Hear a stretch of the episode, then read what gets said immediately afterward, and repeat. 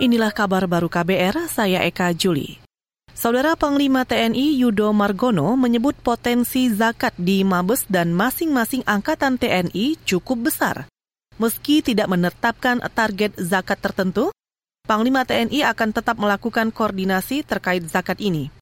Hal itu disampaikan Yudo Margono saat meresmikan layanan penerimaan zakat Basnas di Mabes TNI Cilangkap, Jakarta Timur hari ini.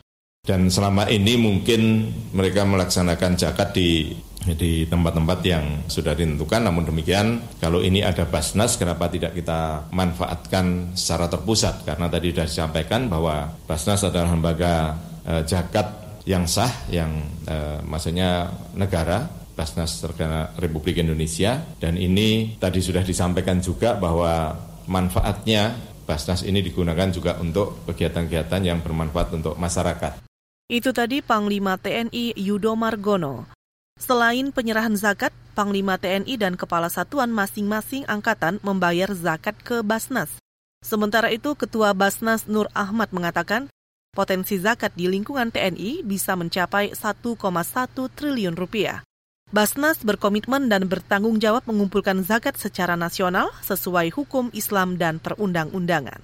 Kita ke soal lain, Badan Meteorologi, Klimatologi, dan Geofisika atau BMKG meminta masyarakat mewaspadai potensi banjir rob di sejumlah pesisir Indonesia pada periode Lebaran 2023.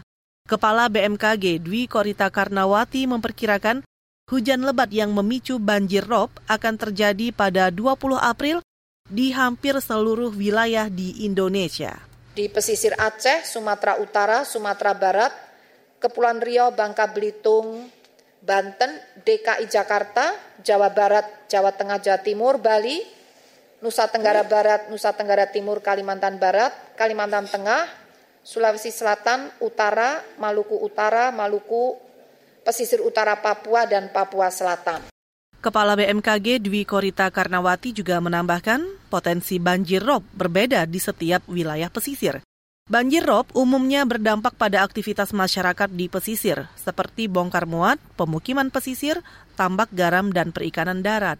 Sementara terkait angkutan mudik lebaran, BMKG mengingatkan potensi pasang surut air laut yang perlu diwaspadai di sejumlah pelabuhan Indonesia. Saudara, sebanyak 48 pendemo yang ditangkap polisi dalam aksi tolak Undang-Undang Cipta Kerja di depan gedung DPRD Provinsi Lampung pada 30 Maret telah dipulangkan Polresta Bandar Lampung.